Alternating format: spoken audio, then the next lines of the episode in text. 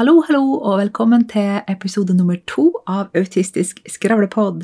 I denne episoden, kalt Språket, så skal vi snakke om altså språk rundt det å være autistisk. Hvordan skal vi snakke om det? Og jeg har egentlig ikke tenkt å være spesielt formanende i episoden her. Jeg tenker å snakke litt mer om hvordan jeg tenker om språk, hvordan jeg best har tenkt å oversette en del begreper som vi bruker i det internasjonale autistiske miljøet, og håper at jeg kan bruke det på en sånn tilsvarende måte på norsk. og litt sånn mine tanker rundt det her med språk, eh, funksjonshemming for øvrig, og prøve å, å, få det til så rett som mulig. Men det skal jeg bare si på forhånd, det kan godt hende at jeg gjør feil. Jeg har prøvd så godt jeg kan å lese meg på det her og, og høre med folk, og ikke deis sånn kraftig ut i salaten, men det kan hende at jeg endrer mening eh, om ikke så lenge eller om noen år, og det kan hende at det jeg sier i episoden her, ikke er nødvendigvis gjeldende om noen år.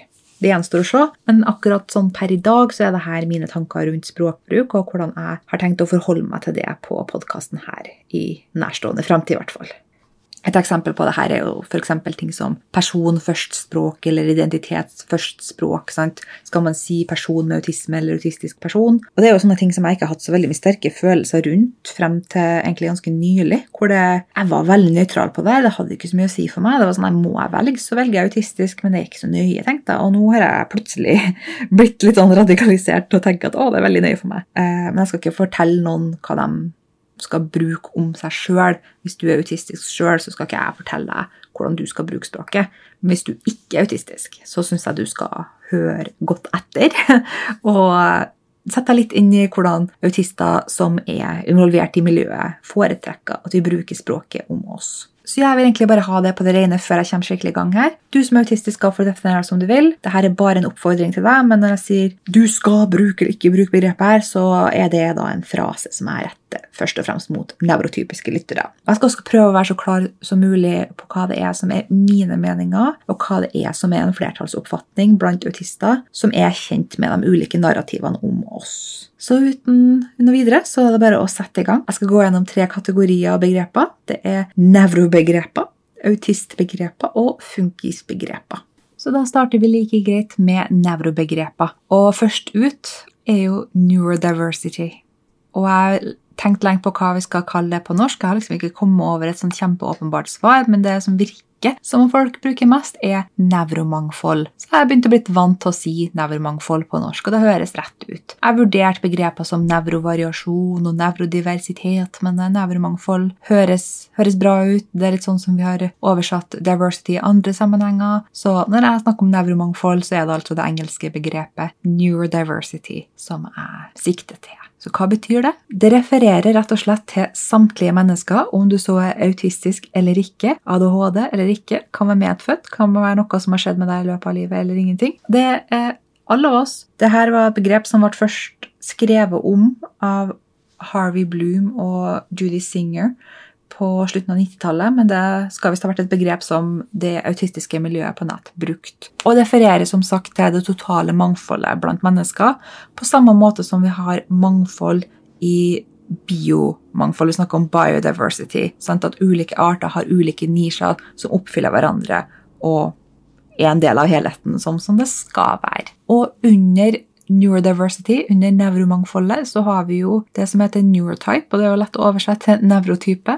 Og det er jo alle de ulike nevrotypene som fins. Og jeg bruker ordet nevrotype, for det er jo mye bedre enn å bruke ting som sykdom eller syndrom. Jeg syns også det er bedre enn tilstand, for tilstand antyder jo litt at det er midlertidig. Når vi snakker om nevrotyper, så er det litt på samme måte sånn som vi snakker om mangfold i kjønn og seksualitet. Da, ulike orienteringer i seksualitet. Å, herregud, norsk. Eh, sexual orientation, sant? Da har vi ulike typer. Og vi kan jo klassifisere de typene her i to. Da har vi neurodivergent og neurotypical. Dette er begreper som brukes vidt i det nevrodivergente miljøet. Så det er sikkert noen som hører det her nå for aller første gang og tenker åh, det kommer enda flere ord. og huff og huff. Eh, velkommen til festen. Du er kanskje litt sein, men det her er altså godt brukte begreper som dukker opp mye. Såpass at det føles nesten som de har blitt litt tynnslitt når eh, folk utenfor miljøene begynner å bruke dem. Så neurodivergent Jeg sleit litt med å komme på en god oversettelse på det. Jeg lente lenge mot nevroatypisk, men det hørtes jo litt for likt nevrotypisk, som da blir det ordet for neurotypical. Så jeg likte nevrodivergent. Det syns jeg er bra. Jeg har sett andre bruke det også, så det har jeg gått for. Så nevrodivergent er jo alle oss som er litt ulik gjennomsnittsmennesker, om du vil. Så det vil jo være oss som er autistisk, ADHD osv. Og, så og det er et begrep som var funnet opp her, når jeg glemte navnet hennes, men uh, hun har vært veldig veldig tydelig på at neurodivergent, nevrodivergent, er veldig veldig inklusivt. Så det er ikke bare oss med medfødt nevrodivergens. Det kan også være folk som har ting som har skjedd i løpet av livet. Det kan også være ting som ikke er iboende positivt eller nøytralt. Det er rom for alle. Og nevrotypisk, ja vel, hvem er det som er nevrotypisk, da? Vel, det er viktig å huske på at det her er på en måte sosiale konstrukter. Det er ideene om det normative. Så når vi sier neurotypical eller nevrotypisk, så kan vi jo på en måte argumentere det lengste for at det finnes ingen nevrotypiske egentlig, men vi kan jo på en måte si at det er grupper av mennesker som ikke faller innafor nevrodivergent. Det er egentlig den enkleste definisjonen vi har nå, men det kan jo være mye variasjon innenfor den gruppa som vi på en måte ikke snakker så mye om og ikke anerkjenner også. Så ta nevrotypisk med en klype salt, samtidig som vi bruker det begrepet veldig mye. Nevrotypisk er forresten ikke et synonym med ikke-autistisk, for det går an å ikke være autistisk og likevel være nevrodivergent. F.eks. hvis du har ADHD, men du er ikke autistisk. Da er du ikke autistisk, men allikevel ikke nevrotypisk. Jeg snakka om det her med normativitet. Dette er et begrep som har kommet litt mer i bruk i miljøet i det siste, og det er neuronormativity. Og jeg syns det er et nydelig begrep, og det er så mye bedre å snakke om denne nevronormativiteten enn det er å drive og snakke om liksom nevrotypiske. For da havner vi i denne diskusjonen om fins det egentlig nevrotypiske, er det egentlig en reell ting? Det er jo egentlig ingenting som heter den typiske hjernen. For hvis du ser på ulike studier i neuroscience-feltet, så har man ikke en standard hjerne som man sammenligner med. Du må alltid ha en kontrollgruppe, for vi har ikke en modellhjerne som er ideell ideen om normativitet, det er bare en idé. Det er egentlig ikke noe som fins. Så da er det jo veldig fint å ha det her begrepet nevronormativitet, sånn at vi kan snakke om denne ideen om det normative. For det er virkelig det som er ødeleggende for de nevrodivergente. Det her ideen om at det fins et normalt, ideelt menneske, og at det er på en måte en standard som vi skal veies opp imot, som om det er meninga at vi egentlig skal være sånn. Og det kommer nok til å bli gjennomgangstema på podkasten her, kan jeg se for meg. Så det oppsummerer vel strengt tatt nevrobegreper. Nevromangfold, nevrotype, nevrodivergent, nevrotypisk og nevronormativitet. Sier alle dem fort mange ganger på rad.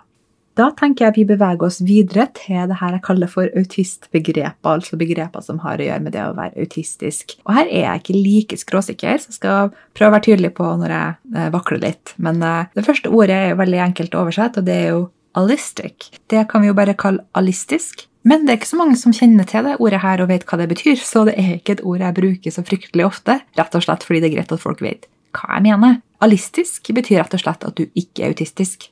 Så på samme måte som vi har heterofil for å si at du ikke er homofil eller bifil osv., så, så har vi cis for å vise at du ikke er trans. Så har vi altså alistisk til å ha et begrep for dem som ikke er autistisk. Så slipper vi å ha det her med at du er enten autistisk eller normal. sant? Det er så viktig å ha begreper for både majoritetsgruppa eller den privilegerte gruppa, eller hva du vil kalle det, så man ikke på en måte har det her stigmaet rundt den minoritetsgruppa som det er aktuelt å snakke om. Så det er ikke sånn at man trenger å gå rundt og identifisere seg som malistiske histopis. Det er egentlig bare når vi skal sammenligne de her to gruppene, noe jeg egentlig syns vi ikke trenger å gjøre så veldig ofte. Men det kan være greit å vite hva det ordet betyr, sjøl om jeg kanskje finner på å si ikke-autistisk istedenfor, rett og slett fordi det er veldig greit når folk skjønner hva jeg snakker om. Videre så har vi jo det her ordet autistic. Veldig lett å oversette oversett til autistisk, så det var ikke så veldig vanskelig. Men istedenfor så tenker jeg å snakke litt mer om begreper jeg fraråder, og i hvert fall ikke kommer til å bruke sjøl, og det er med autisme. Faktisk så har jeg fått så mye spader for hele ordet autisme. Jeg jeg klarer ikke å, å, bruke det nesten lenger. Jeg må si autistisk så lenge jeg får det til, grammatisk sett. Fordi for meg er det å snakke om autisme litt objektifiserende. Det er å på en måte snakke om det på en måte som tar avstand fra oss som mennesker. Sant? Du kan se for deg når du ser på ikke, en ganske sånn amerikansk konservativ nyhetssending, sant? og så snakker de om folk med sexual preferences istedenfor å si homofile personer. Sant? Å si at det er noe man har, og at det er en sånn her ting, et sånt fenomen, istedenfor å snakke om menneskene. Du ser det i forskninga, så snakker de om eh, memory in autism. Long-term memory in autism. Og så var jeg bare I autisme? Hvem er autisme, hvorfor er det memories, jeg? det blir bare veldig banalt når du tenker på det. Så jeg personlig har fått litt sånn noia på hele ordet autisme, men miljøet som regel er bare generelt imot det å bli kalt en person med autisme. Som regel så ønsker man å kalles autistisk person. Det er slett ikke sånn at alle er enig i det. Eh, vi kan snakke masse om det i fremtidige episoder. Jeg tror det er mye interessant å trekke frem. Det har kommet mye bra forskning om det her, om hva det er faktisk flertallet foretrekker, og eh, hvorvidt det ene eller det andre språkbruket er mer og mindre stigmatiserende. Men eh, som en tommelfingerregel så kan jeg anbefale å si autistisk person. Og skulle du nå møte en person som heller vil kalles person med autisme, så er det jo bare å, å, endre det for den personen. Et annet begrep som jeg personlig unngår stadig mer, og det her er mer min personlige overbevisning, det er ikke nødvendigvis sånn at alle autister er enige med meg her, og det er det her med å være på spekteret. Igjen, da får jeg litt sånn noia. Jeg, jeg klarer ikke det begrepet lenger, fordi det har blitt så utvanna, og det er så misforstått at igjen, jeg tror vi kommer til å trenge en egen episode for det. Fordi de fleste de hører på Spekteret, er en slags lineær skala fra minst autistisk til mest autistisk. Og det er ikke sånn det fungerer, og det er heller ikke sånn det begrepet her skulle brukes da det ble introdusert. Da man introduserte The Spectrum, så var tanken rett og slett å vise folk at det er mer variasjon blant autister enn hva man tidligere hadde tenkt. Det var mer tenkt som en slags sfære en sirkel, en, en, globe, med masse ulike trekk som alle peker i ulike retninger, hvor du ikke kan si at noen er mer eller mindre autistisk. Så personlig så unngår jeg begrepet her så lenge det lar seg gjøre. Jeg, liker det ikke fordi det er så misbrukt og misforstått. Og jeg syns heller ikke det tilfører så veldig mye viktig. Ja, vi kan si at vi er alle ulike, vi som er autistiske, men det igjen, det bør nesten si seg sjøl. Men jeg skal ikke fortelle autister at man ikke får lov å si på spekteret. Det er bare sånn jeg personlig føler det. Men et begrep vi kan legge død med en gang, og det er hva som helst som slutter med lidelse. Altså, jeg håper jeg ikke trenger å forklare det her. Til slutt så vil du også merke at jeg ikke har brukt begrepet aspergers.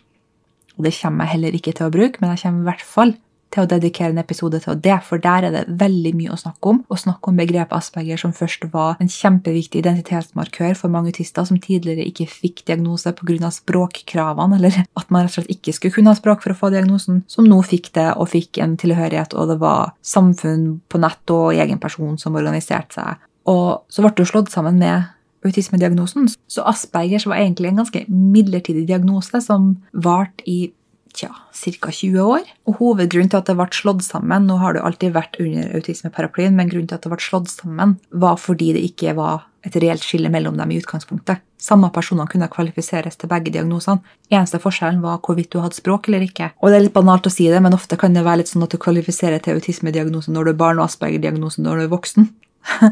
Så da viste det seg at det var ikke to ulike diagnoser. Det var rett og slett feil å skille mellom de her to. Og på toppen av det hele så skulle det jo vise at Hans Asperger var litt mer involvert i naziokkuperte psykiatrien i Østerrike enn hva man tidligere har trodd. Så det autistiske miljøet har generelt gått mer inn for å avvikle bruken av begrepet her, sammen med begrep som SBI. Og det er tungt for mange, og derfor har jeg lyst til å bruke litt mer tid på det her i en egen episode enn å bare veive med pekefingeren. Men det er i hvert fall grunnen til at jeg ikke bruker det begrepet her. Det er rett og slett avleggs. Og nå skal vi altså inn i det området som jeg ikke føler meg like stødig på. Jeg har prøvd å finne gode norske begreper for det her. Og det har jo litt med det å være det jeg vil si på engelsk er learning disabled. Det er litt det samme som man i USA kaller intellectually disabled. Eller intellectual disability. Learning disability. Litt forvirrende, fordi learning disability i USA igjen kan ha mer å gjøre med ting som dysleksi og dyskalkuli, men det er altså ikke det man mener. Man snakker om utviklingshemming, og det er det beste begrepet jeg har funnet på norsk. Jeg skal selvfølgelig ikke påstå at det er det beste begrepet, men det er som sagt det beste jeg har funnet. Og det er viktig å bruke det her begrepet fordi det er veldig ofte at vi havner i sånne irriterende diskusjoner om igjen og om igjen, hvor folk insisterer på å gruppere autister inn i mild og alvorlig og lavt og høytfungerende. Og det blir ikke riktig, fordi det de egentlig snakker om, er autister som har eller ikke har utviklingshemming. Det gjør deg ikke mer eller mindre autistisk, men det kan gjøre deg mer synlig som autistisk, og det kan gjøre deg mer sårbar som autistisk. Du har mindre autonomi som en autistisk person med utviklingshemming. Så det har mye å si. Og for en person som er autistisk med utviklingshemming, eller en person som har en autistisk person eller f.eks. barn med utviklingshemming i livet sitt, så er det jo helt absurd å skulle skille mellom dem to. Og det forstår jeg veldig godt, fordi for meg som autistisk person med ADHD, så er det jo helt absurd å skille mellom dem to. Men det er altså to ulike ting som blander seg sammen i én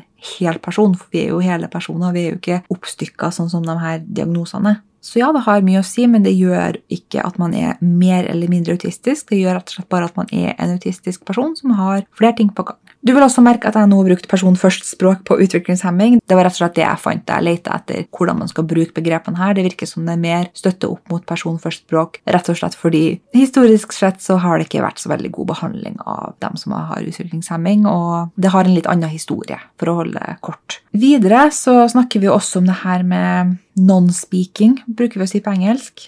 Jeg slitt litt med å finne norske begreper på det her. Det var jo ikke så lett å få tak i. Noen sier språkløs, noen sier ikke-snakkende. Jeg tenker Det kan også være greit å skille mellom språkløs og ikke-snakkende, fordi det å ikke snakke sant? med ord med munnen betyr ikke nødvendigvis at du ikke har språk. Det kan godt hende at du fortsatt forstår språk, og at du er i stand til å uttrykke deg med språk med visse verktøy. Så jeg er ikke helt sikker på begrepene på norsk. Jeg kommer nok til å bruke dem her enn så lenge jeg ikke finner bedre. enn så lenge. Og det er jo også en ting som tas opp veldig ofte når man snakker om typer autisme, som igjen ikke er en reell ting. Men det igjen når du ikke har språk, sant? når du ikke kan snakke ord med munnen, så blir du mer synlig og sårbar som autistisk. Og da tenker folk at da er du mer autistisk. Men det er veldig ofte ulike grunner til at en autistisk person har ikke språk, ikke snakker. En veldig vanlig ting er jo speech apraxia, altså taleapraksi. At man av ulike grunner rett og slett ikke motorisk sett får til å oversette tankene sine til ord. Du har også ting som selective mutism. Selektiv mutisme, altså. Jeg foretrekker også situasjonsbetinga mutisme, eller situational mutism. Og det er nok noe alle autister nesten kan kjenne seg igjen i. Ja, ikke alle, men uh, uavhengig om man har utviklingshemming eller ikke. Før så trodde man jo det var litt sånn to sider av samme sak, men det har mye med hvorvidt vi er overbelasta sensorisk og emosjonelt, om omgivelsene våre tar litt på, så kan vi miste språket momentant. Og noen ganger er det faktisk selektivt òg, at man velger å ikke bruke språk. Det kan jo ofte skje med barn som føler at man aldri blir forstått, så hva er vitsen med å kommunisere? Og det kan påvirke språkutviklinga. Så det er litt viktig å belyse de tingene her, sjøl om jeg personlig, som er høyst verbal, eh, snakker og, og vel så det. Jeg kan selvfølgelig ikke snakke så mye om det her fra mitt ståsted, så jeg tenkte det var bare verdt å, å, drøfte nå. Til slutt så snakker vi jo om ulike typer autisme igjen. Mild og alvorlig, høyt og lavfungerende og alle de begrepene der som jeg syns vi skal bare legge fra oss. Et bedre begrep hvis du har lyst å skille mellom autister som du opplever er mer i stand til enkelte ting, så foreslår jeg å snakke om det vi på engelsk kaller support needs, altså behov for støtte, støttebehov, tilretteleggingsbehov. Jeg, igjen, jeg har ikke funnet sånn perfekte begreper for det her, men støttebehov virker som det funker enn så lenge. Og det henger ikke alltid sammen med hvorvidt du har utviklingshemming og språk og sånt. Altså, du kan ta for eksempel hun Sarah Gibbs, som har skrevet boka Drama Queen. Hun skriver også vitser for britiske Nytt på Nytt. Hun vil jo folk kalle høytfungerende, men hun er jo faktisk ikke det når vi snakker om støttebehov. Så det blir så mye bedre å snakke om støttebehov, hvorvidt du trenger eh, støtte og assistanse i livet, og det trenger vi jo faktisk alle mennesker i ulik grad. Så jeg syns det er en mye mer rettferdig og grei måte å snakke om det på. Da er vi i tredje og siste kategori, og kanskje den kategorien hvor jeg er aller, aller mest usikker. Og jeg har tenkt og tenkt og tenkt og spurt meg rundt og alt mulig om det her, og det er jo funkisbegreper. Eksempel på engelsk sier vi 'able' når vi snakker om noen som ikke er funksjonshemma. Og jeg fant ikke noe ord for det, så da sier jeg ikke funksjonshemma. Jeg har sett at noen bruker ordet funksjonsfrisk, men jeg liker ikke det ordet. Det antyder jo at den som er funksjonshemma, er syk. Og det overrasker vel kanskje ingen at jeg ikke syns noe særlig om det. Så jeg enn så lenge bruker begrepet ikke funksjonshemma. Så har vi ordet ableism, og det er jo et ord jeg får veldig ofte bruk for på engelsk, men vi har ikke et ord for det på norsk. Det er jo på en måte funksjonshemming tilsvarende sexisme, rasisme, homofobi, transfobi. sant? Det er jo ikke helt det samme, selvfølgelig, men at vi ikke har et ord for det på norsk, er jo betenkelig. Det vanligste begrepet jeg har funnet, er jo funkofobi, eller funkisme. Funksjonssjåvinisme har jeg vel også hørt. Og noen ganger tenker jeg bare, kan vi ikke bare si ableisme? Eller ableism, kanskje vi bare kan si det på norsk. Jeg kommer til å vingle her, for jeg har ikke klart å lande med noen av de her begrepene. Jeg vil også nevne at det faktisk finnes et helt eget begrep for autister spesifikt, og det er autmisia. Så det er da spesifikt eh, kjipe holdninger mot autister. Og jeg skulle ønske det begrepet var mer kjent, at jeg ikke glemte det sjøl innimellom, for det er egentlig et veldig veldig praktisk begrep å kunne. Så har vi jo det her med disability og disabled. Generelt i det internasjonale miljøet så sier folk at de vil kalles disabled people, ikke people with disabilities. Men jeg fant ikke at det var like enkelt på norsk. Det virker ikke som det er like klar eh, oppfatning, mye mer ulike meninger. Der på engelsk er ofte fagfolk som sier 'people with disabilities', og så er det folkene sjøl som sier 'disabled people'. Så fant jeg ikke at det var like lett å, å sortere hvem som mener hva på norsk. Og Først så ble jeg litt oppgitt. og bare, Åh, hvorfor må det være så vanskelig? Og så snakka jeg med folk, og jeg har på en måte skjønt at egentlig så har vi kanskje litt fordeler på norsk, fordi vi har to ord. Vi trenger ikke å skille mellom disabled og disability. Vi har både funksjonsnedsettelse og funksjonshemma. Og jeg trodde først at funksjonsnedsettelse det var noe litt à la differently abled, sånn som de sier på engelsk. Og det er et sånt begrep som bare å herregud, bare si disabled. Det er sånn at folk prøver å pynte på språket når det gjelder andre mennesker. Men nei, funksjonsnedsettelse virker for meg som en mye greiere måte å snakke om det man har, istedenfor det man er. Mens funksjonshemma er noe man er.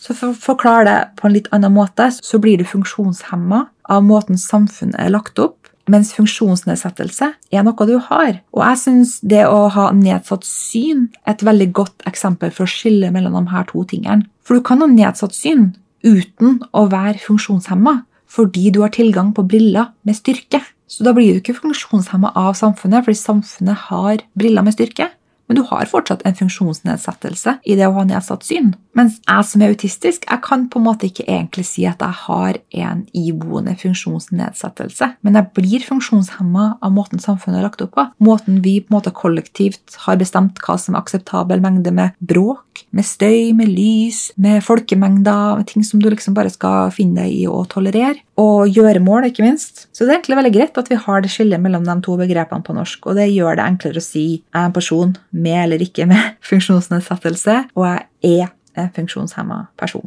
Igjen, det er masse ulike meninger om det her på norsk. Jeg skal ikke late som om det er, det her er liksom noe alle skriver under på, men jeg syns det var en veldig grei måte å forstå ordbruken på. Så jeg kommer nok personlig til å snakke mer om funksjonshemma og sånne ting enn å snakke om funksjonsnedsettelse.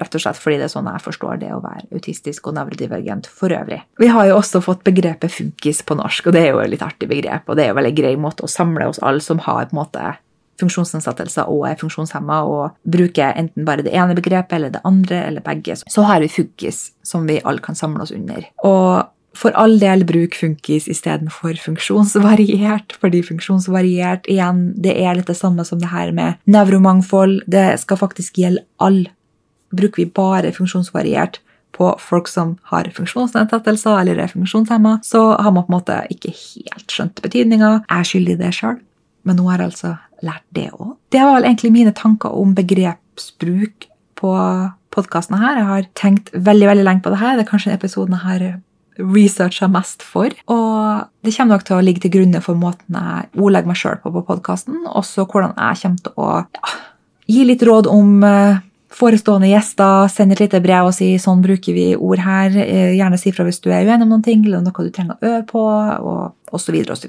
så det var, det var den episoden. Videre så skal jeg da snakke litt om min personlige reise.